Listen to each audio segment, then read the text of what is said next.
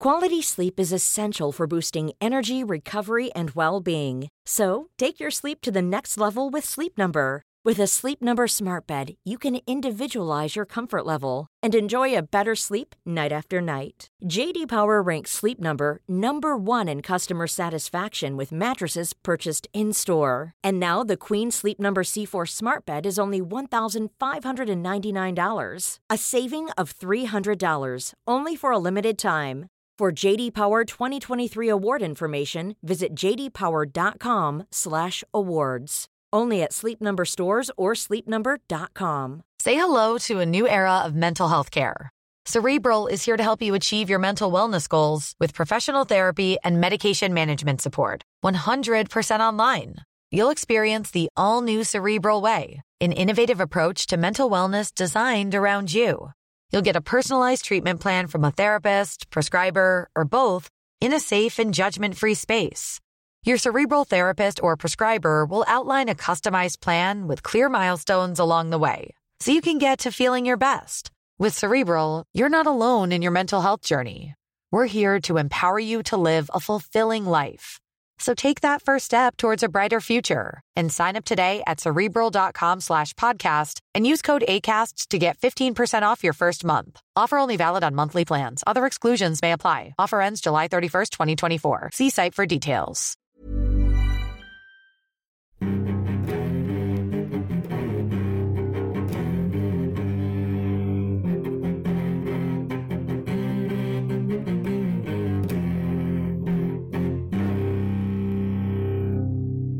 CSR-podden med Åsa Stenborg och Torbjörn Olofsson.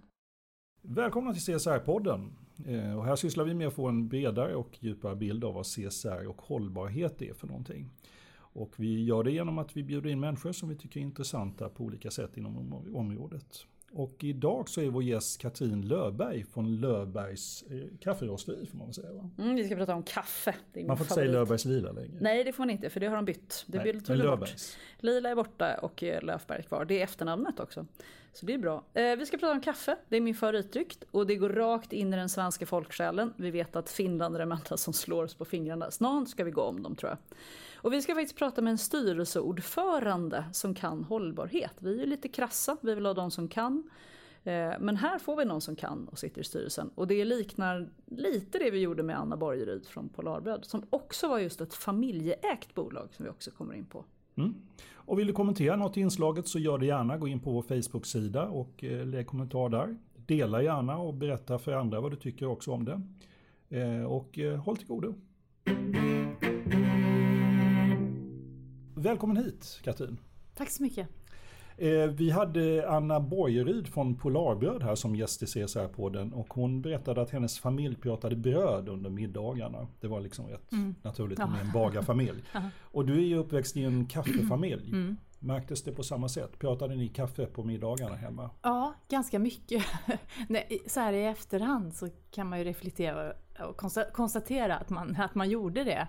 Och det kom hem nya maskiner och nya kaffesorter och nya, även när man var liten och inte själv drack kaffe så var det ganska mycket kaffe i, i, vid, vid bordet på något sätt, eller i köket. Men eh, när man levde i det så tänker man ju inte så mycket på det. Man nästan tror att det är så hos med. alla. Alla pratar så här mycket Nej, men kaffe. det, det blir väldigt naturligt. Men just när man själv började, började arbeta i verksamheten. Jag jobbade ju tio år på andra ställen innan jag eh, började i kaffeverksamheten. Och ehm, eh, det var ju då först man förstod liksom vad man hade med sig faktiskt. Att man Alla hade pratade en- inte om kaffe hela tiden. Nej, precis. Nej. Man blev lite överraskad. Du, eftersom Löfbergs rosteri och huvudkontor ligger i Karlstad så, så har vi gissat att det är där du är uppväxt. Det är det. Ja. Eh, jag är uppvuxen där men sen så bodde jag ja, ungefär 20 år på, utanför. Karlstad och sen flyttade tillbaka för cirka 10 år sedan. Mm. Hur var det att växa upp i Karlstad? Det var jättebra, jättehärligt. Det var På- på en väldigt då? bra uppväxt. Eh, alltså det är ju, jag tycker det är väldigt bra att växa upp på något sätt på en, på en mindre ort. Så. Eh, det finns många fördelar med det. Eh, det var en trygg och lugn och miljö. Det var en eh, eh, närhet till till både natur och aktiviteter och så som man känner idag också. Även om stan har förändrats ganska mycket från när jag bodde där och nu jämfört med nu. Mm. När det nu finns universitet och det finns ett annat. Alltså det, det händ, förr var det ju lite mer så att det hände saker i storstaden och sen tog det ett tag innan det kom till ut, ute i landet. Men nu är det ju inte riktigt så, det händer lika snabbt. Nu händer det på nätet och då händer ja, det överallt det händer samtidigt. överallt samtidigt på något sätt. Ja. Är Karlstad en sån där ort som har lyckats behålla eller locka tillbaka sina unga vuxna? Eller flyger man bort och kommer inte? Ja, du är ju då undantaget ja. för du har ju kommit tillbaka. Ja. Eh, jag tror att man kan säga att det, det, är nog fler som, som åker iväg och kommer tillbaka än de som stannar hela tiden. Alltså om man ser så här, eh, man lyckas ju... Sen är det ju klart att det är, en flytt till Karlstad också. Eh, från andra orter i Värmland eller runt omkring. Så det är klart att det, det, drar, det lockar liksom andra som tar steget och flyttar till en större stad. Medan de som är uppvuxna i Karlstad ofta åker iväg, kanske läser någon annanstans, arbetar någon annanstans eller reser och kommer tillbaka. Eh, men det är en utmaning, tycker jag mm. faktiskt, mm. att, att eh, få folk att bo kvar eller, eller gärna tillbaka. åka ut och komma tillbaka. Nästan ännu hellre det faktiskt. Alltså, har du många av dina klasskamrater kvar? Hemma eller i Karlstad runt dig? Nej, inte så mycket faktiskt. De I och med att jag bodde så. Ja, de har flyttat och i och med att jag själv flyttade ganska tidigt. Jag läste Hur gammal var du när du flyttade? Eh, ja, först gick jag på internatskola som gjorde att i gymnasiet. Eh, så där har jag mycket vänner ifrån. Och sen så bodde jag i USA och läste eh, på universitet där. Och sen flyttade jag till Stockholm och bodde där och sen eh, jobbade jag en period i Luxemburg och jobbade en period ja, senare då när jag började i företaget så, så flyttade jag till Norge, till Oslo. Eh, så att många, jag inte, hade inte kvar så mycket liksom gamla vänner, några få så här, och man känner ju en del folk. Så här, men eh, det var lite som att starta om faktiskt och flytta, flytta hem. Gör det att man uppskattar Karlstad ännu mer när man varit ute och rest och bott på så många håll som mm, du har gjort? Jag, jag, tror det faktiskt, att mm. man uppskattar saker som man tog för givet förut. Liksom, eller man såg inte riktigt. Bara det här när jag bodde i Luxemburg och det fanns inte vatten någonstans i närheten. Man åkte till en konstgjord sjö på, Nej, på sommarhalvåret. Så inser man ju överhuvudtaget Sverige, eh, Stockholm inte minst, liksom, men just allt vatten vi har och någonting som jag älskar väldigt mycket. Så det, man lär sig uppskatta faktiskt när man, när man flyttar runt vad som, eh, som är bra. Och mindre bra också, man tar ju med sig saker som man tycker det här borde förändras eh, på hemmaplan eller förbättras. Det är i jämförelsen lyckan ligger. Ja. Eh, och ni har, ni har en familjeregel att man får inte börja jobba på företaget förrän man har gjort sin universitetsstudier klart och sen har jobbat fem år mm. eh, någon annanstans. Ja, minst fem år. Och någonstans i en intervju så läste jag att du var inte alls övertygad om att du skulle börja jobba i familjeföretaget. Eh, när du började din resa till Nej. USA och internat och allt det här. När, när, kom, när började det kännas som att jo men varför inte? Liksom? Jag ska nog... Eh jag måste säga att jag blev mer, jag, jag var med, eh, jag blev invald i styrelsen eh, tidigare än jag, eh, alltså några år innan jag började arbeta i verksamheten. Och det gjorde att då blev man ju insatt i frågorna på ett annat sätt. Mm. Eh, och lärde sig mer och blev liksom mer intresserad av det. Och sen eh, så fanns det ju olika erbjudanden. Min, min pappa då hörde av sig då och då med lite olika han erbjudanden. Han in han, det. Han, han ville gärna Han krokade lite någon, diskret. Ja, absolut. Och jag tackade nej ganska många gånger. Jag nej, hade liksom inte det. nej, grej. det vill jag inte. Nej, men jag tror vi är uppfostrade väldigt mycket i att liksom göra vår grej först. Eh, och sen, sen har vi inte liksom pratat så mycket. Det var aldrig så här, aldrig ett tvång men heller aldrig någon jätteplan för att då och då ska du, liksom, eller någonstans i bakhuvudet så vet man väl att möjligheten fin, eller fanns då. Eh, och sen när jag tog steget och väl började arbeta eh, med kaffe och i vårt företag så kände jag så här, varför, jag, varför har, jag, har jag inte gjort det tidigare? Det här var ju mm. fantastiskt kul. Det var ju en annan dimension på något sätt till ett, bara ett jobb. Mm. Även om jag hade väldigt roliga jobb innan det. Så. Mm. Och en av bröderna Löfberg som grundade det som hette Löfbergs Lila, det var din farfars far. Ja, då. Så du är fjärde generationens ja. ägare av Löfbergs. Ja. Och ni är idag åtta ägare, om jag förstår saken rätt. Nej, eh, sju stycken. Sju ägare. Eh, Varför får man aldrig det? Sju. Nej, men det kan, Sju det kan vara en gammal artikel. Ja, och, och, Eh, och, Vi- men samtidigt är familjen mycket större. Så en, liksom, ni i släkten är många, många fler. Ja. Hur, hur många av de här sju eller familjen finns i bolaget idag? som arbetar Ja, som arbetar i bolaget Eh, eller sitter i styrelsen. Ja, eh, nej men det är väl, det, man kan säga att det är vi sju Okej. som på olika sätt är engagerade genom eh, styrelse eller, nu är det bara min bror, eh, jag jobbar ju som i och för sig arbetande ordförande så att eh, är väl lite halvt i, inne även om jag inte är inne i det dagliga men det är bara min bror, en av mina bröder, Martin som jobbar som inköpsdirektör som är i det operativa. Ja, det. Resten är engagerade i olika styrelsen. styrelser. Och då är ni, Som det är nu. Och det, det här ändras ju hela tiden. Ja. Liksom. Min, en av mina systrar arbetade ett tag men har slutat nu. Och, ja. För ni är fyra syskon va? ja, fem Du- syskon. Fem syskon och så är en kusin. Ja just det, så Vi de är sex sju. i den här generationen, fjärde det, generationen. Och sen är det min pappa kvar i tredje Jaha, generationen. Det. Vad härligt. Ja, det Ja. verkligen håller inom. Ja. Hur håller man sams mellan syskon när man jobbar sådär? Har man, lär man sig Ja, det? det Eller? en Det måste ju vara lite av en Ja. utmaning. Vi jobbar ju väldigt mycket med de här frågorna eh, och vi jobbar väldigt mycket med, ja, vi jobbar mycket med ägarfrågorna och vi jobbar mycket med det här med roller, olika roller och så. Att man liksom har respekt för eh, olika roller. Det är ju inte alltid så enkelt men Nej, att man liksom delar upp det där i att eh, man är anställd, man sitter i styrelsen eller man är eh, familj. Liksom. Man, man, det innebär olika saker, Mm, olika ansvar men olika möjligheter också. Så att man inte, och, och särskilt i respekt till eh, ans, ex, externt anställda personer som är, jobbar i företaget som vår VD till exempel. Att vi har respekt för hans roll och hans mandat till 100%. Så att vi inte går in och petar i det. Eh, Du, började ju, du kom tillbaka och började igen på Löfbergs då 1999. Mm. Och eh, 2015 så tog du över ordförandeklubban efter din pappa. Ja, Eh, och du är heltidsarbetande styrelseordförande. ja det är Det är det, ja. Som det är nu så är det. Eh, det är ju var ganska mycket att sätta sig in i och fortfarande liksom att landa i den här nya rollen, gå från operativa rollen att eh, liksom, och ta tag i mycket som jag tänker mig göra eh, som ordförande. Få ordning på styrelsearbete på det sättet som jag vill göra det. Sen får man se i framtiden. Jag har lite andra uppdrag och sånt som det är klart att det tar lite tid. De, de uppdragen också så men man kan säga i stort sett är det ju, det är ju mitt jobb att jobba som Och, ordförande. och, och hur ser en vanlig vardag ut för dig?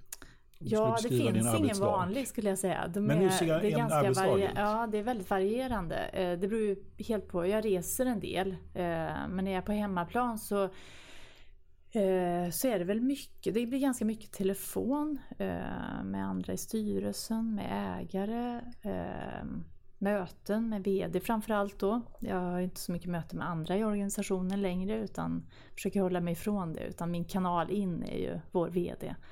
Det är också en, en, viktigt att hålla, hålla din, den distansen tror jag. Jag gjorde till och med så att när jag blev ordförande så, så- bestämde jag mig för att lämna våra lokaler fysiskt, rent fysiskt, för att sätta mig utanför i en ja, hyra, eh, hyr tillsammans med några andra eh, ett kontor. Just för att få den här liksom, distansen till det här dagliga och detaljerna som man inte ska vara inne och peta i. Men eh, så det är, ganska, det är ganska olika men det blir ju mycket eh, Sen blir det ganska mycket att sitta, sitta och fundera och eh, tänka, skriva. Eh, för det är, och det är ju en, en omställning och någonting man lite får träna på. Att, eh, för jag är ganska eh, i det operativa så är det ganska mycket att man gör saker som, som levereras och som har gjort det. Och så är det, det här jobbet innebär ju ganska mycket att man måste bara det är ingen som ser egentligen allt, allting jag gör på kort sikt kanske. Utan man ser det kanske på mer lång sikt. Och det är mera så här att eh, få tid till det också och få ro till det. Hitta liksom ett sätt att jobba på det. Med, det, med de här lite mer långsiktiga frågorna och utmaningarna. Men det är väldigt spännande. Hur tänker man strukturerat? Det är själv. Den- Jag Ja. brukar jag ägna mig åt att Ja. tänka kring hur jag ska göra för att Ja. tänka strukturerat själv. Eh, Löfberg är idag ett bolag med ungefär 350 anställda i fem länder. Framförallt i Sverige, det är Mm. en huvudmarknad och en huvudproduktion. Jag har kontor och rostar även i Norge, Danmark och Lettland. Och har kontor i Storbritannien. Eh, Men, och det ni gör, bara för att liksom ge Mm. Ja. folk en överblick, det är att ni handlar in, rostar, förpackar och säljer kaffe. Ja. För ni handlar in bönorna. Ja. Mm. Och sen har vi även ett temärke Kobs som görs i Danmark. Precis. Har jag, Det- Ja, men det stämmer. stämmer. Fantastiskt. Ja, Vilket rätt. bra. Det är inte alltid man lyckas med det här ska jag säga. Nej, det låter jättebra. Eh, Jag brukar göra en övning när jag håller hållbarhetskurs och Mm. då brukar vi sätta en kopp kaffe på bordet och säga så här. Nu gör vi en analys av produktleds, produktlivscykeln hela vägen igenom och så tittar vi på hållbarhetsaspekter. Mm. Ja. Och det som, som är ögonfallande det är att en sån enkel sak som en kopp kaffe Mm. ger en svindel när man börjar titta i produktlivsperspektiv. Mm. Det är så många stora frågor som kommer in i hela flödet Mm. här. Och det är inte, det som tycks enkelt är rätt komplext Ja. egentligen. Så hur har ni gjort? För ni vet ju det här mer än någon. Hur gör ni för att hitta era hållbarhetsfrågor? Har ni en metod eller är det liksom rätt historiskt att ni vaskar fram dem? Egentligen det som är det här som heter så fint väsentlighetsanalyser. Man kan säga att i grunden så är det väldigt värderingsstyrt. Och det är väldigt styrt utav, eller kommer egentligen från historien, det här engagemanget för de här frågorna. Så det är inget nytt som vi började jobba med på 90-talet, 2000-talet eller när, när eh, man ändå började jobba med det. Utan det här har ju funnits med, det här med att ha ett engagemang eh, kring människor och miljö eh, ända sedan eh, kring vårt samhälle, samhällsfrågor och så ända sedan början på 1900-talet när företaget grundades. Det var ett väldigt engagemang, framförallt då lokalt och det var kanske det man hade möjlighet till. Idag kan vi ju vara både lokala och globala i de här frågorna, vilket krävs också.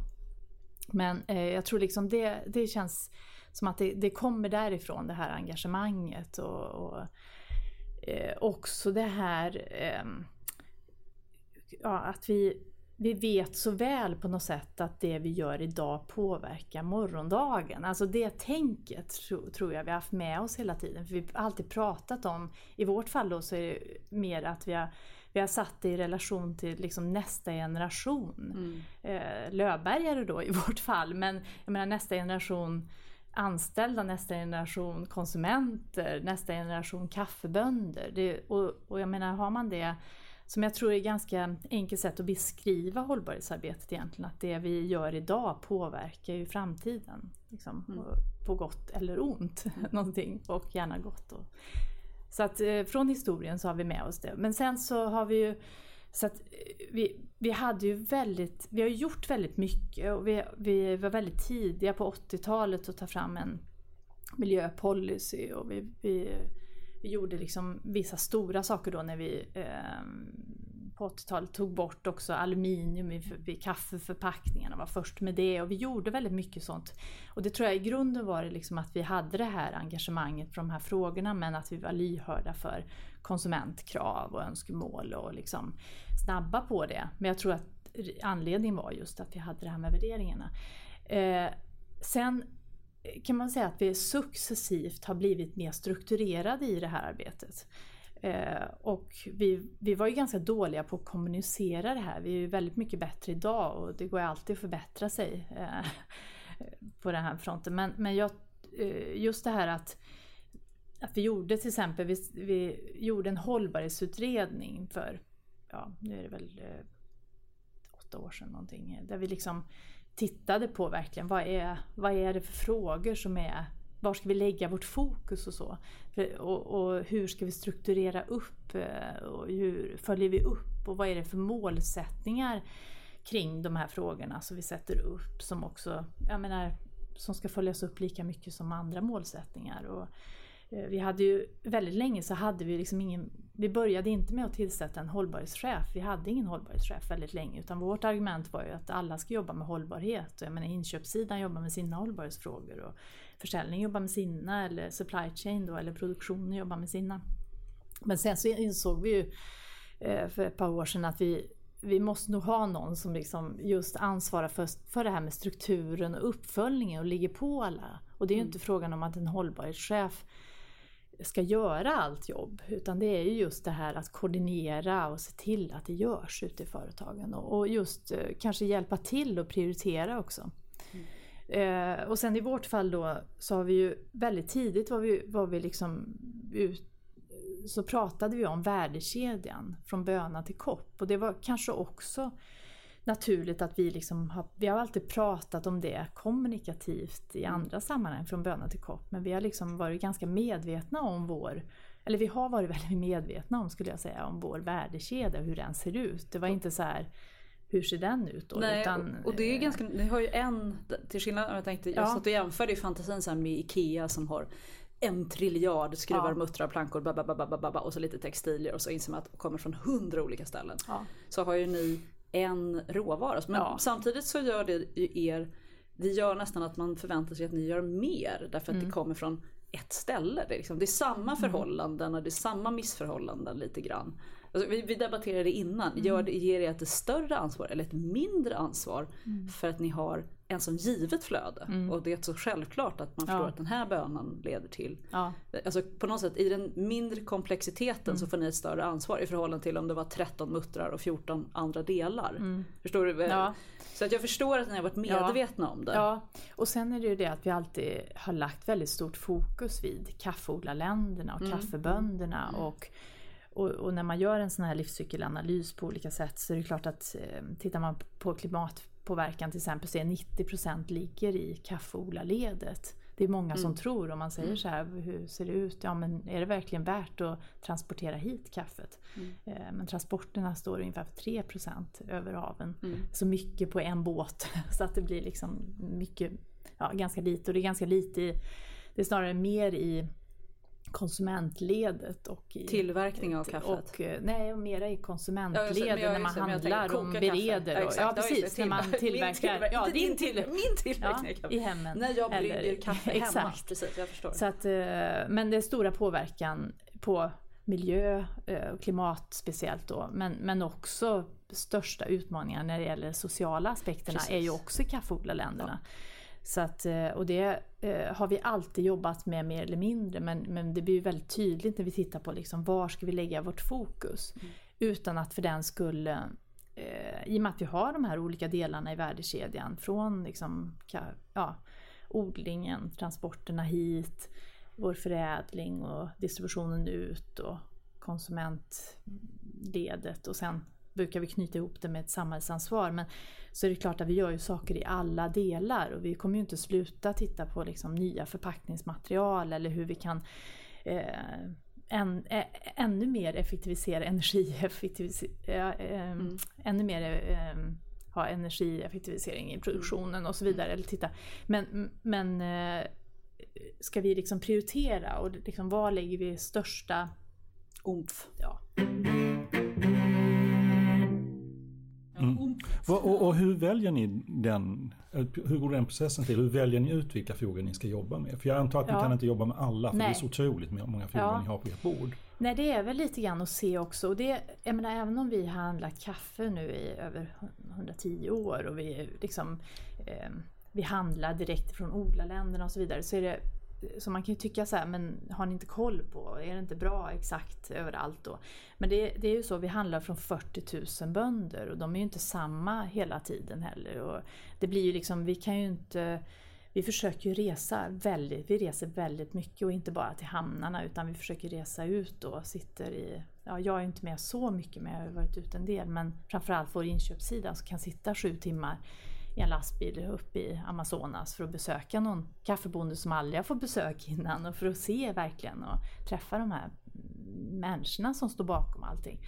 Eh, så det är klart att eh, den, den delen är ju, är ju jätteviktig att fortsätta göra men vi kan ju omöjligt träffa alla kaffebönder varje dag och se hur situationen mm. ser ut. Och och, eh, och då får vi ju hitta liksom sätt att, sen är det ju så att vi handlar ju ofta utav en större sammanslutning, kanske ett kooperativ eller en, liksom, eh, så att det blir lite fler. Varje bonde producerar ju så väldigt liten mängd för de flesta kaffebönder i världen är ju familjejordbruk. Eh, men just det här att vi handlar liksom direkt ifrån, så nära källan vi kan. Mm. Så har vi liksom, men sen förändras ju det vilka vi handlar av. Vi försöker ha väldigt långa relationer och så men vi försöker också hitta nya eh, typer av bönor, nya smaker och nya produkter ska lanseras och så. Så det är klart att det är ju inte så att vi eh, har handlat bara av de här bönderna ända sedan 1906. Då. Eh, men det finns faktiskt några som vi har haft relation med väldigt, väldigt länge. Det var någon vi hittade liksom att ja, men det här har ju faktiskt eh, våran från den här familjen, eller den här, ja, fast det var en annan generation där också, har, vi, har vår farfar handlat ifrån. Alltså också. återkommer alltså det, det är verkligen så här, oj, nu, um, ja, så vissa har vi haft väldigt långa relationer med och det är väldigt positivt. Och, och, det är inte, och är, det, är det enskilda bönder till och med? Eller är, ja, det, är kan, det kooperativ det vara, som du Det kan om det vara eh, faktiskt, enskilda bönder då, fast de är ju också då i nästa generation eller ytterligare en generation. Mm. Men sen gäller det också att hänga med lite, vad är det som är liksom största utmaningarna just nu? För de är ju inte likadana som det var för 30-40 år sedan i det ja, landet. Nej, eller i det vissa håll, och många håll så har det blivit väldigt mycket bättre. Man har bättre, tuffare lagar, man, också, man följer upp lagarna bättre, mm. som har varit ett problem i många länder. Eh, samtidigt får man ha en, jag menar vi handlar ju från utvecklingsländer och mm. unga demokratier ofta. Och det är ju så att det, allting fungerar ju inte lika bra även om man har lagar och regler. Liksom, utan man måste liksom vara med och vara där och påverka och försöka få det åt rätt riktning. Um, jag kan också tänka att man jobbar på två nivåer. Man mm. jobbar med, med de direkta leverantörerna mm. för deras förhållanden men sen måste man nästan jobba på statsnivå för att skapa förstärka staten eller för att stärka domstolen eller förstärka fackföreningsrörelsen. Ja. Alltså det är nästan hela tiden systemnivå och ja. direktnivå. Ja, och, och det har ju som sagt var blivit väldigt mycket bättre men sen är det ju nya utmaningar idag. Det här med klimatförändringar till exempel. Det var ju, mm. De har ju funnits där en tid men det har ju blivit eh, mer och mer eh, aktuellt i och med att det också är, det är liksom här och nu. Och hur blir det tydligt? Slås ut. Är det vattenfrågor eller vad är, det är vad väldigt är det olika på olika platser men det blir liksom extrema förhållanden väldigt ofta. På vissa ställen är det extrem torka. Ja. På vissa ställen är det extremt, eh, extrema regn. Eh, som gör att eh, det kommer till exempel, det får liksom följdeffekter att det kommer skadedjur som aldrig har funnits innan. Eller att skördarna eh, alltså blomningen blir inte så... Tidigare kunde man liksom, då var det blomning och då var det skörd. Nu är det så här, eh, det drar ut på tiden, det blir inte blomning överallt och här regnar det för mycket och här för lite. Så det är ganska så här svårarbe- mycket mer svårarbetat för kaffebönderna idag. Men det låter, det låter ju som att man måste parera och plötsligt ja. lära sig, okej okay, nu får vi in den här skalbaggen. Ja. Samtidigt som man måste i det landet börja försöka adressera klimatfrågan ja. i stort. Alltså, då är vi tillbaka på system och direktnivå på något och det sätt. behövs både och. Vi, mm. vi är med, var med och grundade ett initiativ som heter Coffee and Climate 2010. Eh, och där just tittar vi på hur kaffebönderna ska kunna anpassa sig till klimatförändringarna. Och mm. vi har byggt upp som en, vi kallar det toolbox eller en verktygslåda där det finns massa olika metoder då som är prövade på olika ställen och där man får möjlighet då att se, men det här kanske funkar här hos oss. Men det krävs ju ganska mycket utbildning också, ganska mycket eh, ja, hands-on, liksom, att, det, att det finns någon på plats som vi har såna här, eh, man utbildar train the trainers. Liksom. Det blir så här, man utbildar någon som utbildar fler och så utbildar de varandra. Mm, och så. Mm. Eh, men vi har haft, eh, första fasen var till 2000, från 2010 till 2015, nu är vi inne i andra fasen. Första fasen var fyra pilotprojekt i Centralamerika, Trifinio-området heter det. Eh, som är Guatemala, Honduras och El Salvador. Och sen så Tanzania, Vietnam och Brasilien. För att hitta liksom olika typer av miljöer, olika länder och olika ursprung. Eh, och sen i nästa fas nu som har startat precis, den, eh, där ska vi försöka skala upp det här så vi får liksom större Eh, spridning på den här kunskapen. Och där är ju bland annat, för vi samarbetar ju där med andra organisationer, andra, många andra kaffeföretag, men också andra eh, organisationer av olika slag och Sida är med och finansierar en del utav det här till exempel. Mm. Och det gör ju också att genom deras nätverk sen eller andra så kan det också, det är ett sätt att skala upp det men också få in ny kunskap till till det här projektet. Och, och där är det då lättare i och med att det blir många aktörer och organisationer då, statliga biståndsorganisationer eller eh, ideella eller lokala eller internationella eller så kan man ju också lyfta det här på, Mm. på liksom Statsnivå, absolut. Systemnivå, Så, absolut. Ja, så att det Mm. kommer in i deras liksom landsprogram eller klimatprogram för landet. Mm. Som ju många nu upprättar i samband med det här eh, eller efter det här Parisavtalet. Mm. Liksom, så att, att det här kommer in där som en del, då, då har man ju verkligen påverkat. Det låter ju Stort, nästan tycker jag. idealt. Ja. Det låter ju som ett väldigt bra initiativ. Så det här Coffee and Climate det, det är ett exempel på där ni arbetar väldigt konkret i, i odlingslandet. Ja. Gör ni, det, finns det andra saker Ja. ni gör som... Eh, det här är, Coffee and Climate är lite speciellt för där har vi bjudit in, liksom, där vill vi ju ha med, det är en så stor bred fråga och vi vet att den är så avgörande för kaffebranschen i framtiden, det här med klimatfrågan. Så där, vi liksom, där har alla bjudits in egentligen, alla stora jätteglobala aktörer till då Eh, en del av vår typ av företag, privatägda företag. Men sen har vi Sen 2001 så startade vi eh, en sak som heter International Coffee Partners. Och det är, då var vi fem privatägda, familjeägda kaffeföretag i Europa med från början. Och sen var det två stycken som senare eh, hoppade på, så vi är sju stycken nu. Och där är väl eh, det mest kända i Sverige förutom oss är Lavazza som också är familjeägt. Det är två tyska företag, ett i Finland, ett i Norge, eh, ett i Kroatien. Eh, Och där, eh, där driver vi utvecklingsprojekt tillsammans. Vi är uppe i 23 projekt i 12 länder. Eh, Jättebra resultat. Det är väldigt, väldigt praktiskt. Eh, väldigt hands-on nere på liksom lokal nivå där vi anställer lokala personer. Och man satsar väldigt mycket på, framförallt först så är det väldigt mycket att få bönderna att organisera sig. För att väldigt många som driver familjejordbruk är ensamma, eh, väldigt ensamma. Och man, har liksom, man lever lite för dagen och man gör som man alltid har gjort. Men just det här om man bildar kooperativ då till exempel, så, eller andra typer av, andra former av organisationer så kan man ju gemensamt in, göra investeringar. Man kan gemensamt eh, satsa på att processa kaffet en del så att du kan sen sälja det i större mängd, i större bulk liksom. Och ta bort mellanhänder. Och framförallt så fokuserar vi väldigt mycket på att öka produktiviteten. Eh, och även öka, höja kvaliteten Hos den enskilda hos den bonden. Mm. enskilda bonden. Och eh, en tredje sak är också att lära dem att sälja kaffet eh, bättre. Alltså att bli bättre liksom, entreprenörer. Eh, just det här att, eh, att inte vara helt i händerna på uppköparna. Plocka kaffebären som det ju är.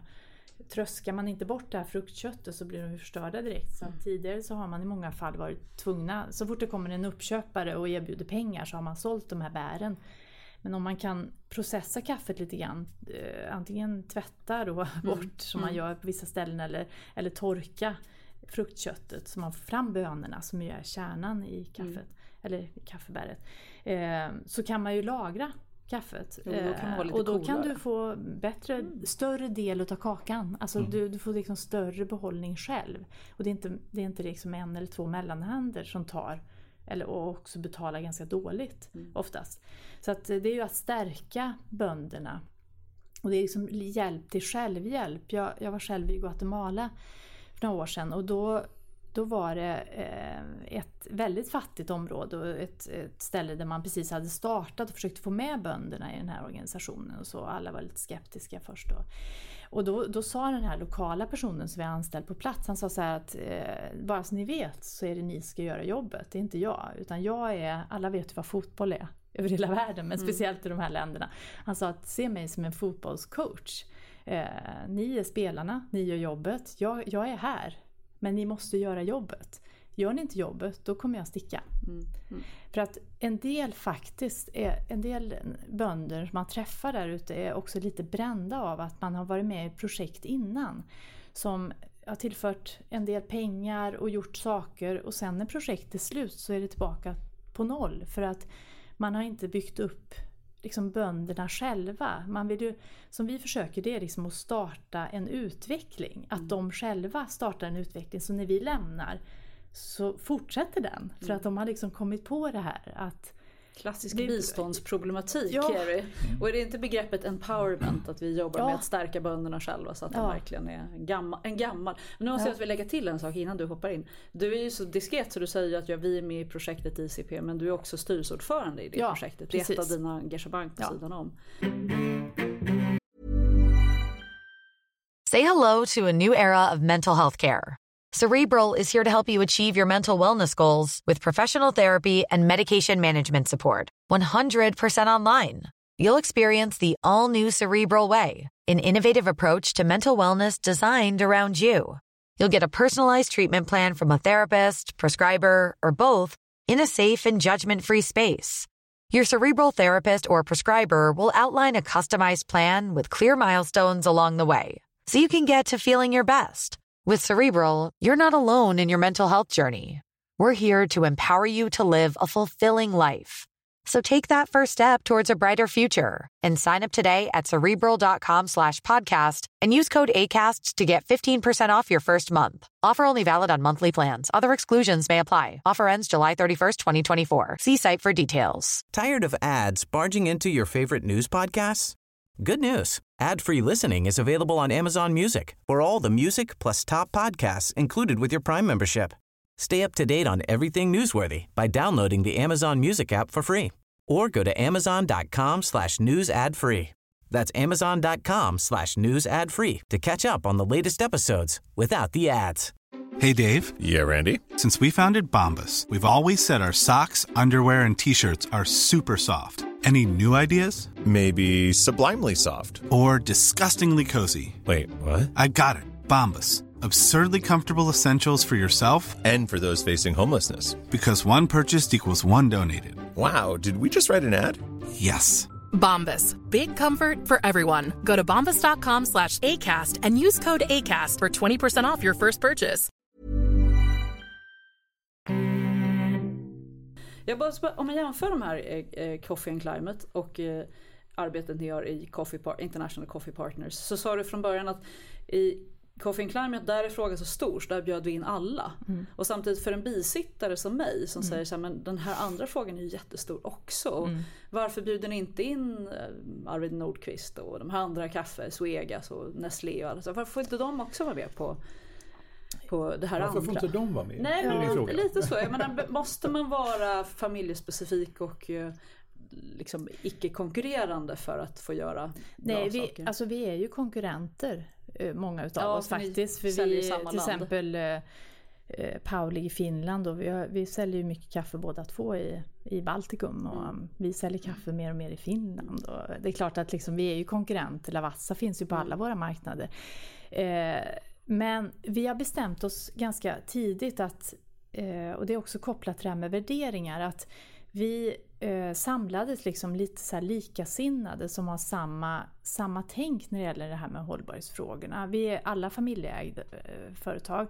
När vi sitter vid mötesbordet så kan man känna att det är ganska stor skillnad på när vi har möten med den här gruppen då med liksom likasinnade, eller vad man ska säga, lite lika företag med samma värderingar. Vi har en väldig beslutsförmåga. Vi sitter där och kan vid bordet ta beslut.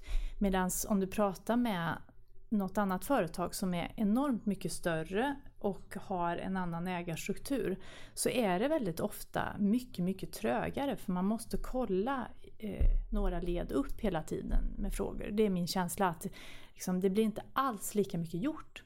Utan det är liksom det här eh, att kunna ta beslut, att kunna eh, jobba och, och jobba långsiktigt med det här.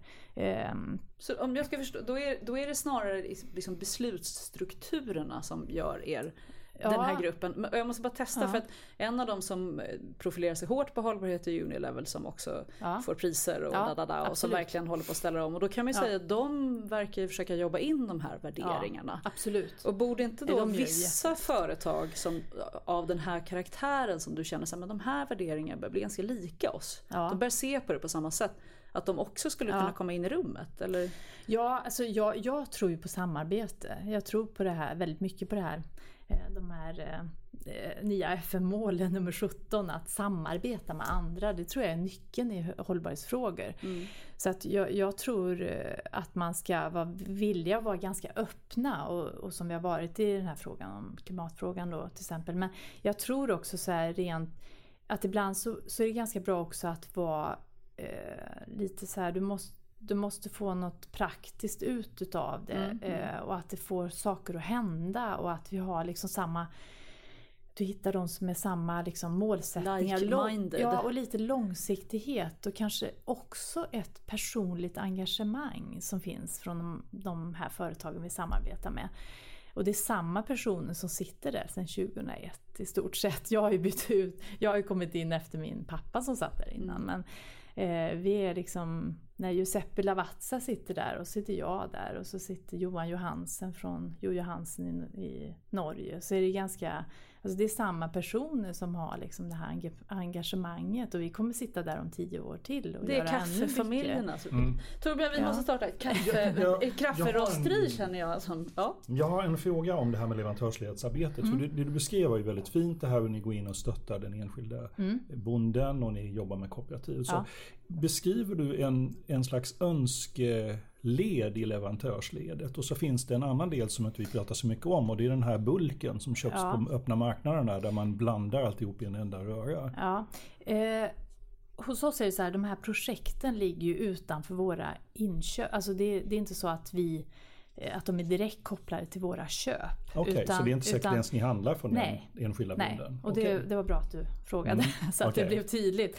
Eh, för där är det ju en fara också med den här typen av projekt. Att man på något sätt eh, bönderna blir liksom livegna oss för vi har satsat pengar och tid och engagemang i det här så att nu är de helt eh, beroende av, och, ja de måste sälja till oss och då, vi vill ju gärna att de jag menar, är det rätt kaffe för oss, rätt kvalitet, rätt smak på, på, på kaffet och, mm. och det passar oss så kan ju vi köpa det här kaffet. Och vi har köpt några, några gånger har vi köpt från men ofta är det också så här de har inte kommit så långt i sitt liksom, arbete med kvalitet och med... Alltså det här är ju lite grann att ta de här som är...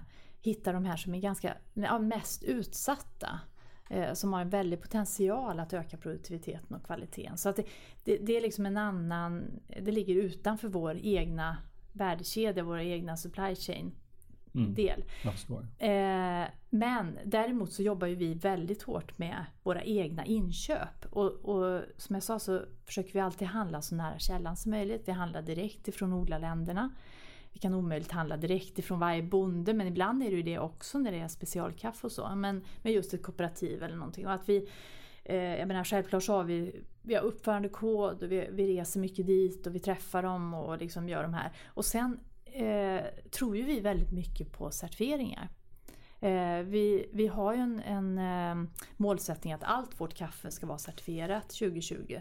Vi har idag certifieringar på alla våra Löfbergsprodukter. Sen har vi lite andra varumärken i andra länder som inte har kommit lika långt. Men, men certifieringarna och certifieringar i rätt händer gör ju fantastiskt bra. Sen kan det alltid vara så att det dyker upp någonting någonstans.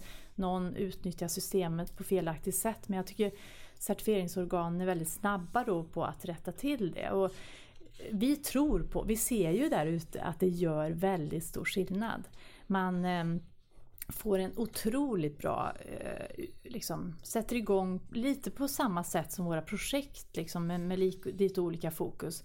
Man får en utveckling, man får en utbildning, man får, en, en eh, man får lära sig saker, man blir bättre. Så att de här certifieringsprogrammen är ju det är ju inte frågan om att stämpla någonting om att det här är 100% bra, bra nu. Mm. Utan, utan det är ju så här att det är ju en process där också. Du kan alltid förbättra saker och ting. Den här stämpeln gör att vi är med i den här processen. Vi är med i den processen. Mm. Och för några, några ören mer per kopp mm. så, mm. så är du med och betalar för det faktiskt. Men du, ni arbetar med tre märkningar. Det är ekologiskt, Fairtrade och så är det väl Rainforest eh, ja. Alliance med, man kan se tydligt på paketen. Varje Just fall, det. Vi har lite UT Certified. Nu går ju de ihop med Rainforest Alliance ja, okay. och blir Rainforest Alliance. Så det mm. kommer ju försvinna.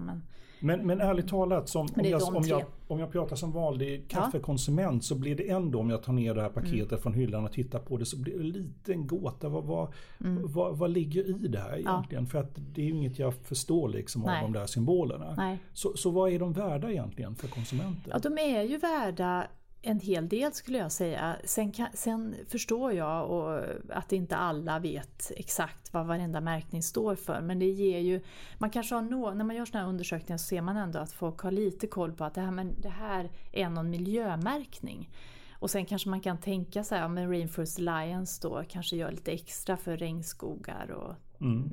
trädplanteringar. Man- man misstänker det, men man är inte helt säker. Man är, och man kan inte begära att varenda konsument då ska kunna alla de här kriterierna. Mm. Eh, och fair trade, det, det hörs ju på namnet lite grann också. Det kanske är, liksom, man har lite koll på, det är lite dyrare ofta så du kanske förstår då att bönderna får lite extra betalt och att det är liksom fokus på människorna. Eh, Det kommer därifrån. Mm. Sen går ju alla märkningar in i varandra lite grann. Alla jobbar med miljö och socialt. Så det, och det är inte enkelt, jag, jag vet det och liksom, Nej, för jag är det- medveten om det. Det är det man undrar, gör det Ja. verkligen konsumentens vardag enklare eller blir det till och med svårare? Man, Ja. man tror att man gör rätt och Ja. sen så plötsligt så kommer det en stor skandalartikel som Ja. visar att man har gjort fel i tio Ja. år istället. Ja, och det är ju jättesynd. Men jag tror ändå så här att man... Det här är ju liksom en, en... Om vi säger så här att det här kaffet från Löfbergs, eller allt vårt kaffe är schysst producerat med hänsyn till människor och miljö. Mm. Det är en sak att vi säger det.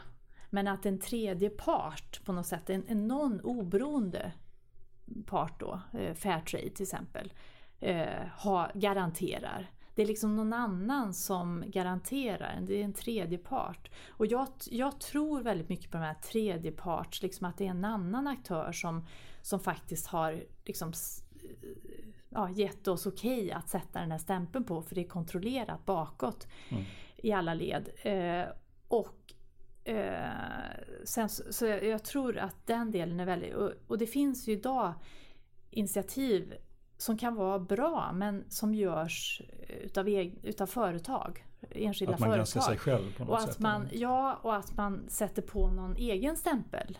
Ja. Eh, och, den ser ju också ut lite som regnskog och lite och det finns mer och mer sådana. Och, och jag, jag, jag förordar ju den här tredje part. Jag tycker liksom på något sätt så är det lite mer, det, det blir en annan trovärdighet och jag tror att någonstans så, så är det bra. Alltså det, det, det, det motiverar alla på något sätt att man driver utveckling. Jag menar vi kan inte göra vad som helst. Eller vi kan inte, vi, liksom alla måste i alla led skärpa, skärpa sig för att kunna fortsätta sälja den här eh, produkten med Rainforest Alliance. Och, och det driver utveckling på alla, i alla nivåer tror jag.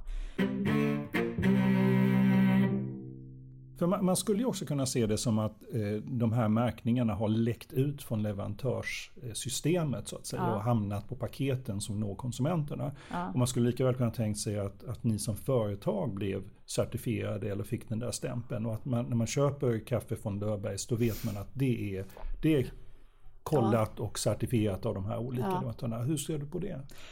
Eh, nej men det, det vore väl fantastiskt om det kom dit eller, eller ännu hellre att vi nådde dit att man, man såg våra produkter och kände men vi kan lita på Löfbergs. Vi vet att det är schysst producerat och, och att de har koll på de här grejerna för vi har sett vad de har gjort. Eller, alltså att vi, en, en vision kan ju vara att, att inte behöva certifieringar. Att ladda varumärket utan ladda varumärkena, att man garanterar någonting. Men, eh, och det, det är väl någonting liksom, det, det krävs ju då enormt mycket att kommunicera vad vi gör och att få förtroende för det. Och, eh, men det är klart att, eh, och, och jag tror också så här att, eh, jag, jag tror, för, för certifieringar just och varför vi gör de här projekten vid sidan om och så här som inte är kopplat till, en del av de här kaffebönderna i projekten har ju certifierat sig till slut men det är ju ett beslut från kaffebonden och inte vi som säger certifiera er. Men, eh, och jag tror att eh, men jag tror att certifieringar löser ju inte allt i hela världen. Eh, Utan det är ju ett sätt som är väldigt bra och funkar väldigt bra. Men sen är det ju så att det är ganska enkelt idag för ett företag att på något sätt lansera en ekologisk produkt eller göra det. Och det räcker ju inte som hållbarhetsarbete att göra det bara. Alltså idag så räcker ju inte det utan man Mm. måste liksom ha väldigt mycket mer eh, utöver det här. Men jag tycker ändå att, och vi ser ju det, hos konsument så är det ju liksom just det här med att man har en tredje part och man kanske får förtroende för att någon annan har kollat det.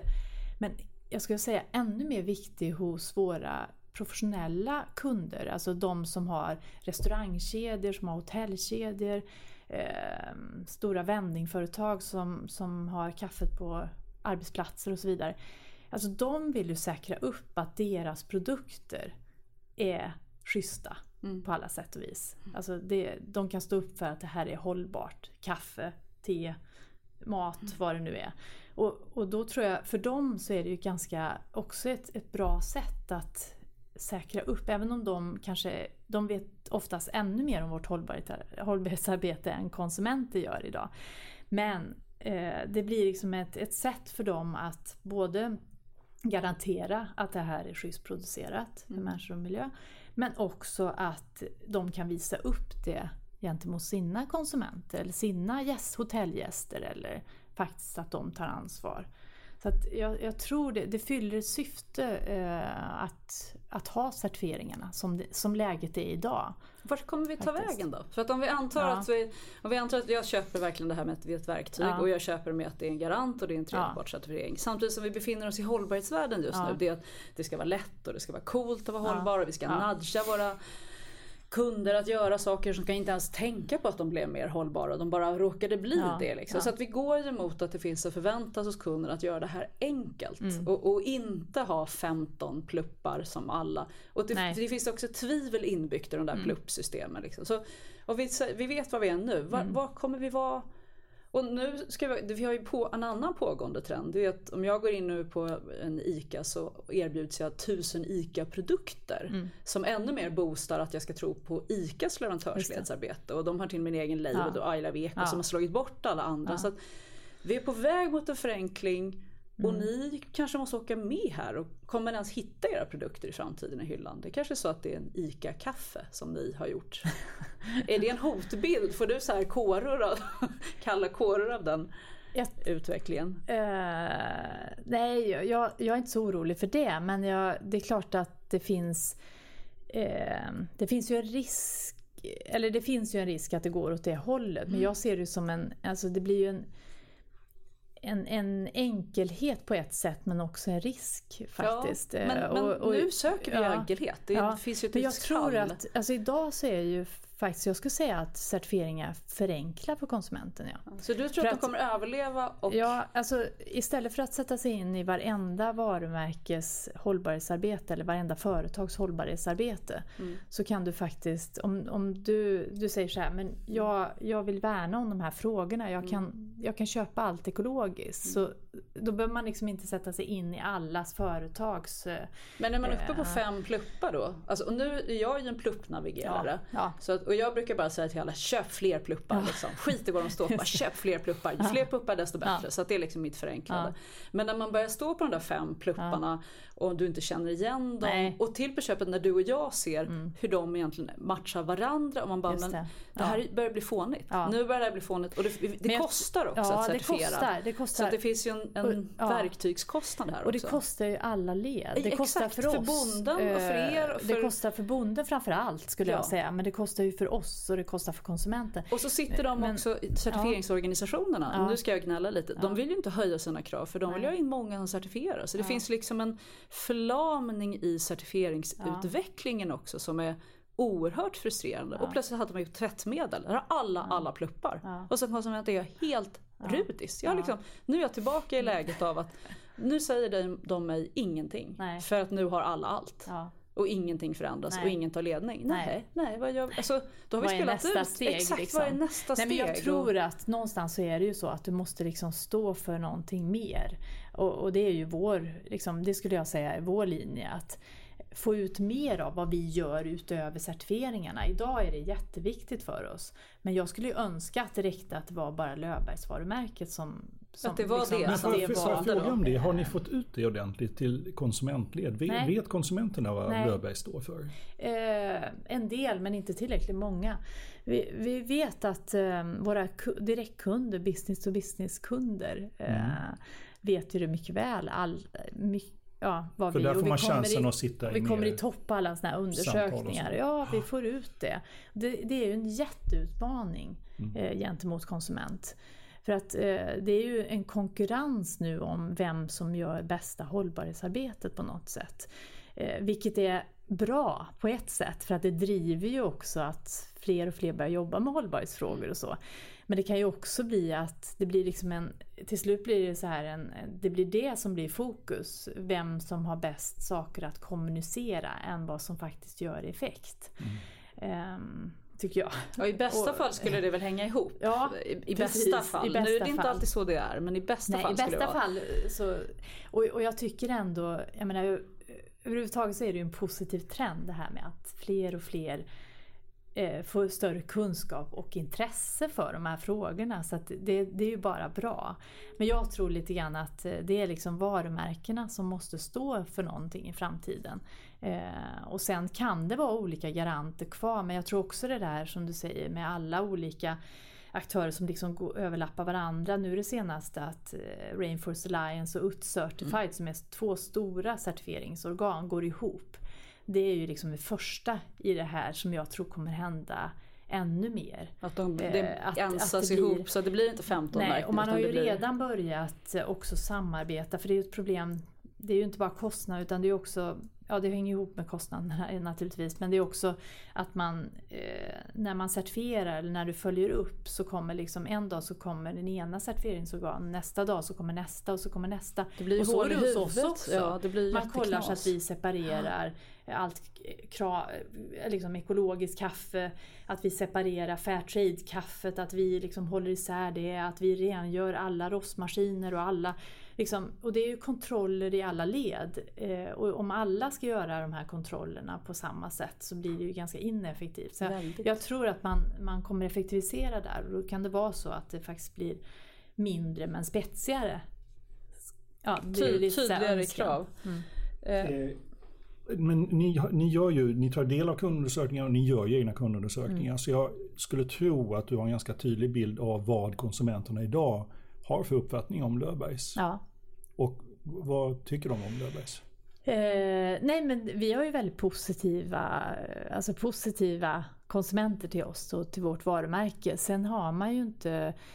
Eh, sen är det svårt överhuvudtaget det här med eh, att med, med hållbarhetsfrågorna och eh, liksom vem tar störst ansvar, vem gör mest? Alltså konsumenterna har i, mm, det är några som sticker ut eh, inom andra produktsegment kanske eller som har liksom den haft den profilen sedan starten. Jag skulle säga salt och kvarn eller liknande. Eh, som liksom alltid sticker ut så. Men det, annars är det ganska svårt att få liksom konsumenter att, att veta så här, vem, vem är det som är bäst på det här eller vem uppfattar vi? Och vi har ju gått framåt, vi har blivit bättre på att kommunicera det här. Men det är otroligt svårt att, att eh, få ut de här värdena. Ja, för du menar jag. att, att er konsumenter, alla tänker inte på vad ni står för ur den synvinkeln utan man har druckit Löfbergs i generationer tillbaka så man Ja. funderar inte så mycket på om ni är hållbara eller inte. Nej, eller överhuvudtaget om kaffe är hållbart. Alltså Mm. det är ju det är också en, en produkt tror jag som eh, man handlar det man handlar det hela tiden, vi konsumerar det från morgon till kväll, vardag till fest. liksom, så att det är, en produkt som är med hela tiden. Eh, Medan kanske en, en, jag menar ska du handla en bil Mm. så är liksom miljöaspekten kanske är liksom högt upp för att det, det är ganska, alltså det, den, det är ett vardagsbeslut som det, jag det är ett stort Ja. beslut, du tar det inte så ofta och, eh, och numera faktiskt så det är nästan så här så att det, när det gäller livsmedel överhuvudtaget och, och hela den här liksom att folk har blivit mera intresserade av de här frågorna så tror jag i många fall också att man, man tar liksom för givet att, eh, att de flesta har jobbat med eh, Alltså man har, förtro, har man ett förtroende för varumärket och det är liksom ett känt eh, svenskt varumärke och så, här, så, så kommer nog det andra, liksom, man, man, man tror att man har koll på de här grejerna. Man borde ha koll på de här grejerna. Och skulle du säga om man jämför, om, man, om jag skulle benchmarka de här, det är fyra stora kaffemärken på svensk marknad, ja. det är rimligt. Att ni ligger bäst till när det gäller hållbarhetsarbetet. Ja, skulle lite... du ge mig så här, ja på det? Eller skulle du... Jag skulle önska, jag skulle önska att det var, vi ligger ju tydligt som jag sa ja. eh, överst när det gäller våra business to business kunder mm, men även på kedjenivå och så. När vi, men eh, konsumenter idag, det, ja. det är väldigt olika. Men i verkligt olika. innehåll, om du och jag är hållbarhetsnördar istället. Jaha. I verkligt innehåll Jaha. skulle du säga att ni ligger, ja. vi är bättre än de andra?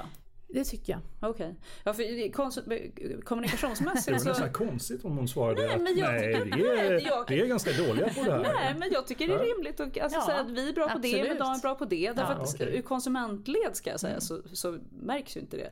Nej. Jag uppfattar ju kaffebranschen som en väldigt mogen bransch. Mm. Det har ju, och, och snarare nu har nästan blivit lite så här det har nästan blivit lite en steppande dans därför mm. att det kommer så nya produkter och då ska mm. alla haka ja. på på ett lätt neurotiskt sätt som man nästan säger är det verkligen viktigt att jag ska kunna dricka iskaffe från Pressbyrån? Man bara, ja. nej det kanske det inte är. Och så har det börjat komma specialmärken ja. som är så nischmärken verkligen mm. på ett helt annat sätt. Och då ska man säga att jag tycker att hållbarhetsaspekterna är på väg att börja mogna in i branschen. Mm. Det ing, jag uppfattar inte att det är någon som har stuckit stenhårt på hållbarhet. Möjligtvis skulle jag säga barista, för ni, mm. ni måste ju också erbjuda kaffe via ja. eh, kaféer. Absolut. Barista har ju stuckit Nej, hårt de, på Ja absolut, de har den profilen eh, och från starten. Alltså det är väl det.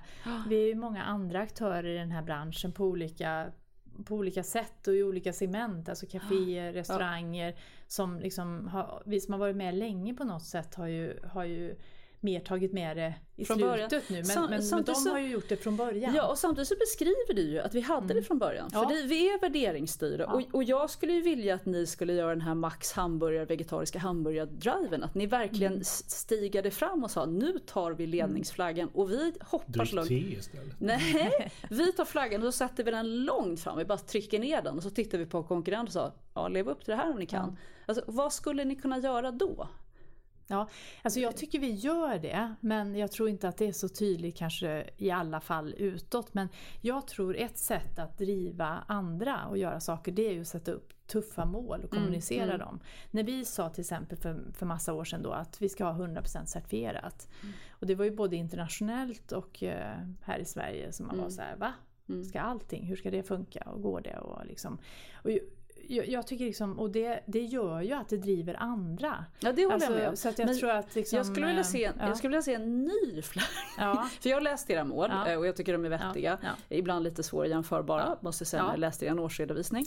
Men, men jag är ute efter att vad man gjorde, vad man vågade göra på Max mm. Eh, det var ju att man testade en vegetarisk mm. Eh, meny som inte funkade och så sa man vi väntar. Och sen när man testade det igen mm. och det var verkligen mot kund så funkade det superbra. Och där höjde man sig liksom man höjde sig mot kund med en väldigt distinkt handling. Och det mm. skulle, mm. nu ska jag fantisera, så här, vad skulle det kunna vara? Nej, men, ja, det är så att ni säger, vi tänker ja. inte göra, det här Nej. kaffet, det här ja. landet, tänker vi inte köpa ifrån. Nej. Eller det här, alltså någonting som faktiskt är distinkt och mm. som är ett statement. För jag mm. tycker att ni är symboliskt för ett systematiskt, gediget, mm värderingsstyrt arbete. Men det blir också så systematiskt mm. och liksom så att man blir så här, nu har jag somnat för det är ja. 3% ökning och det är mm. viktigt. Mm. Det, det inte, finns ingen orsak. Nej. Men det är inte ett hopp. Nej. Det görs inga hopp. Du vill ha ett mer spekulativt? Jag vill ha ett hopp. Jag tar ja, men, med det. Nej men vå, att våga liksom. ja. Våga och vinna. Mm. Eller våga och säga, nej men tiden var inte mm. mogen. Nej. För ni har så mycket kunskap så mm. ni kan säga, om tio år kommer vi vara här. Nu tänker vi hoppa ja, om tio år till om tio år. Tror du att det kommer Nej, vara möjligt? Vi sitter, ju, vi, vi sitter ju hela tiden i sådana här diskussioner. Vad är liksom morgondagen? Vad är nästa grej vi ska göra? Och vad är det? Alltså, eh, vi har en, en liten grupp som möts eh, som är egentligen eh, ja, vår VD, hållbarhetschef och inköpssidan som ju är väldigt central för oss. Mm. Och där vi liksom försöker blicka framåt när det gäller de här frågorna. Men eh, jag håller med om att det, det skulle behövas något eh, liksom, lite grann som vi, om man tittar tillbaka vad vi gjorde, men vi kanske inte var lika kommunikativt eh, med då som vi är idag, liksom, mm. att, eller mm. utnyttjade det kom, kommunikativt. Men vi, när vi lanserade Kravmärkt kaffe mm. 1996 då var vi ju först, liksom, det fanns ju några importerade produkter och så här, men då var vi och då var det så här, det var ingen efterfrågan. Folk var så här, "Nej, men, eh, det var knappt att vi fick in det hos butikskedjorna. Det var väldigt trögt, det fanns ingen efterfrågan. Och så så här, men ni, ni kan inte ställa en produkt här som inte, liksom, det finns ingen som vill köpa det här. Och de produkterna som hade funnits innan var ju så ofta ja, importerade kaffe, inte våra kvalitet, inte liksom den smaken vi är vana. Och folk var ganska så brända på att krama i kaffe smakar ju illa. Men vi liksom gjorde det i alla fall. Vi köpte den här första containern i Sverige och- i stor mängd. Liksom. Och ja, lite så. Ja, något eh, sånt. Jag Att vill- jag vill liksom ha göra något sånt. någonting fast då kommunicera det också. Ja, absolut. Och bättre på att berätta om det. Ja. Eller en förback, förpackningsförbättring som Ja. var mm, ovanlig och Ja. innovativ och drev fram hela branschen. Eh, Men, men också ligger tillbaka i historien så mycket. Så jag vill liksom, absolut. vad händer om Nej, men, sen? Eh, nu har vi, eh, just förpackningsmaterial så har det ju varit väldigt mycket snack om det väldigt länge och man ska ha olika material som är Mm. helt klimatneutrala och komposterbara och så vidare. Och, och där, eh, eh, där håller vi på att titta. Jag kan känna att man pratar mycket om det väldigt länge men det har inte hänt så mycket.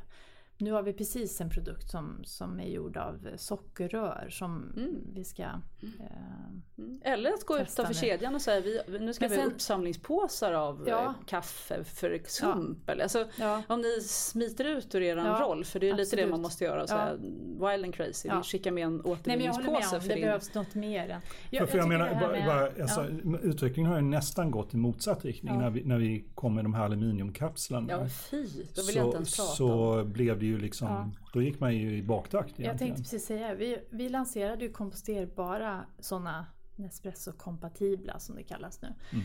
När de förlorade sitt Mm. patent. Liksom, de, ehm, och eh, de... eh, Ja, det, det var ju liksom en, att vi var först med det. Och jag hade att velat vi, att ni men- bara fördömde dem Ja. och sa så här, varför ska kaffe som luktar så gott Ja. och är så trevligt förpackas i en doftlös liten äcklig kapsel?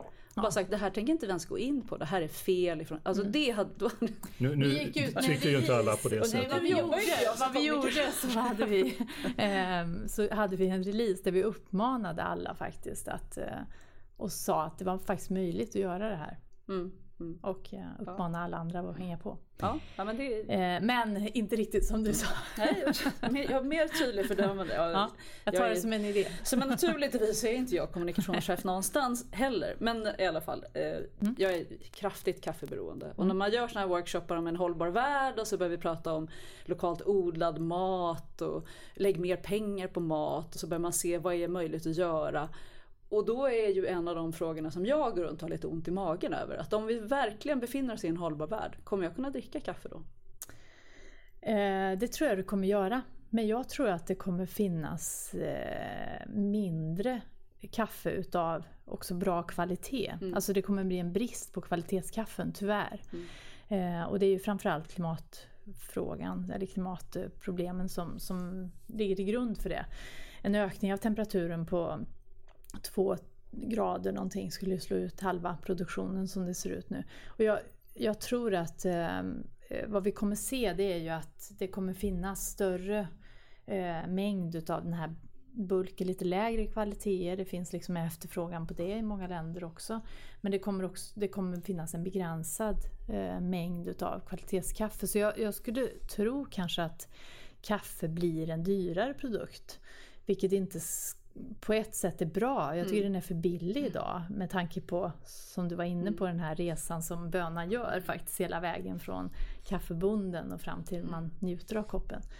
Eh, det är en utmaning men jag tror också att det, det behöver inte bli så illa som alla de här eh, prognoserna liksom, eh, beskrivs som, eller världen framåt beskrivs som. Utan jag tror också man har möjlighet just att, att påverka ganska mycket och, eh, när det gäller klimatförändringarna. Både hur man anpassar sig till klimatförändringarna men också att vi lyckas på något sätt. Jag har en positiv tro på att med innovationer och nytänk och så här att vi faktiskt hejdar den här utvecklingen som vi har sett bakåt lite grann. Att, eh, så jag, jag tror kanske inte det blir så illa som värsta domedagsprofeterna. Så, så egentligen så svaret du gav var det att eh, Åsa kommer få dricka färre koppar och hon kommer få betala mer för per kopp då? Ja, det, Det- det kan det bli. jag. Det kan det bli. Eh, njuta av eh, bra Den kaffe. enda som är... kaffekoppen Ja, man dricker per dag. Nu känner jag mig mycket Ja, lugnare. vad Det har varit en av mina hållbarhet. Du har mottagit åttonde storleken av Serafim, med Serafimerordens band, en medalj från kungen. Mm. Eh, Och det var för ett förtjänstfullt insats inom svenskt näringsliv. Eh, Och Löfbergs hade lyckats kombinera lönsamhet och hållbarhet i sin verksamhet. Och det har din pappa mottagit före dig också. Ja. Eh, om vi antar att Mm. du blir återkallad till kungen år 2025, så det är Mm. ganska långt, eller bara långt in i framtiden. Och då är det inte kungen utan då är drottningen, för nu har äntligen Victoria tagit över. Mm. Och så ska du få en ny medalj. Så ska jag undra, vad tycker du att du ska få medalj för? Och om du inte har några direkta svar så har Ja. jag tre alternativ. Okej. Vill du höra Ja, alternativen? gärna. gärna. Jag har inte funderat så Antingen- mycket på den frågan. Jo, jag tycker vi ska säga det här är en målbild, Ja. en personlig målbild. Eh, För att via Löfbergs förändrat hela kaffebranschen och skapat ett hållbart och därmed framtidssäkert kaffe. Det är alternativ ett. Eller du har startat det första giftfria och lönsamma pla- kaffeplantaget i Sverige eller Nordeuropa. Klimatförändring har ju andra effekter med sig. Eller du har grundat föreningen Mångfald på riktigt som blev en katalysator för ett tillåtande och mångfaldigt Sverige. Oj, det lät spännande allting. Du tog alla tre. Ehm, Nej, men eh, skulle jag välja något så skulle jag nog säga nummer ett. Det känns mer realistiskt. Eh, 2025 är ju inte så långt Gud, bort vad- faktiskt. Om vi flyttar fram då till 2050. Ehm, 2050. Eh, kanske inte i Nordeuropa att det går att ha kaffeplantage, men kanske i Sydeuropa. Om man tittar på de här kartorna man brukar rita upp och, och man ser förändringarna framåt, så 2050 så ser det ut som, om vi inte lyckas hejda det här faktiskt, att det blir ganska varmt. Ehm, Men tror du att du blir kvar i kaffevärlden? det tror jag. Och blir du kvar på Löfbergs? Eller är det i kaffeplantagevärlden vi kommer hitta dig i framtiden? Eh, både och tror jag, skulle jag säga.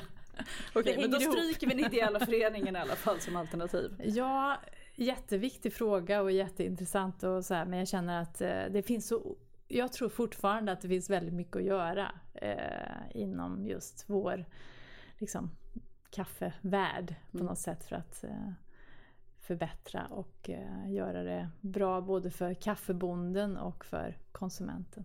Då hoppas vi på den utdelningen, att det är den vi får se. Vi är framme vid slutet och eh, Mm. du ska ta din väska och rusa vidare till UD. Ja. Vad, vad ska du göra där?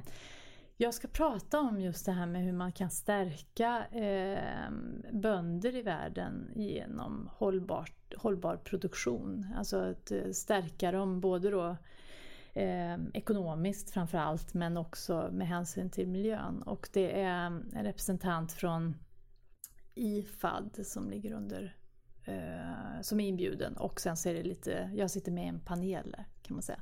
Jag ska berätta lite grann om just Coffee and Climate-projektet och eh, lite andra saker vi gör och eh, även vara med i en, en diskussion där. Så det ska bli Spännande. väldigt spännande. Då önskar vi dig lycka till. Mm, och stort tack för att du kom hit idag. Ja, tack så jättemycket.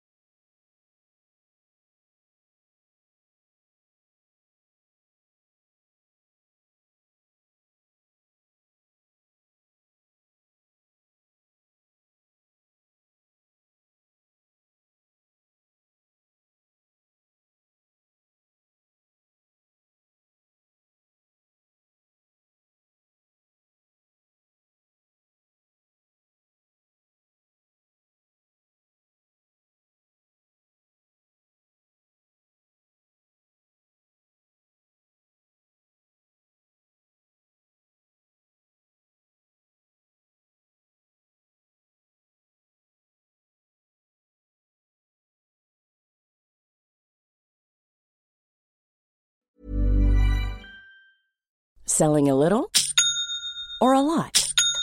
Shopify helps you do your thing however you cha-ching. Shopify is the global commerce platform that helps you sell at every stage of your business. From the launch your online shop stage to the first real life store stage, all the way to the did we just hit a million orders stage. Shopify is there to help you grow. Shopify helps you turn browsers into buyers with the internet's best converting checkout. 36% better on average compared to other leading commerce platforms because businesses that grow grow with Shopify. Get a $1 per month trial period at shopify.com/work. shopify.com/work. Tired of ads barging into your favorite news podcasts? Good news. Ad-free listening is available on Amazon Music. For all the music plus top podcasts included with your Prime membership. Stay up to date on everything newsworthy by downloading the Amazon Music app for free or go to amazon.com slash news ad free. That's amazon.com slash news ad free to catch up on the latest episodes without the ads.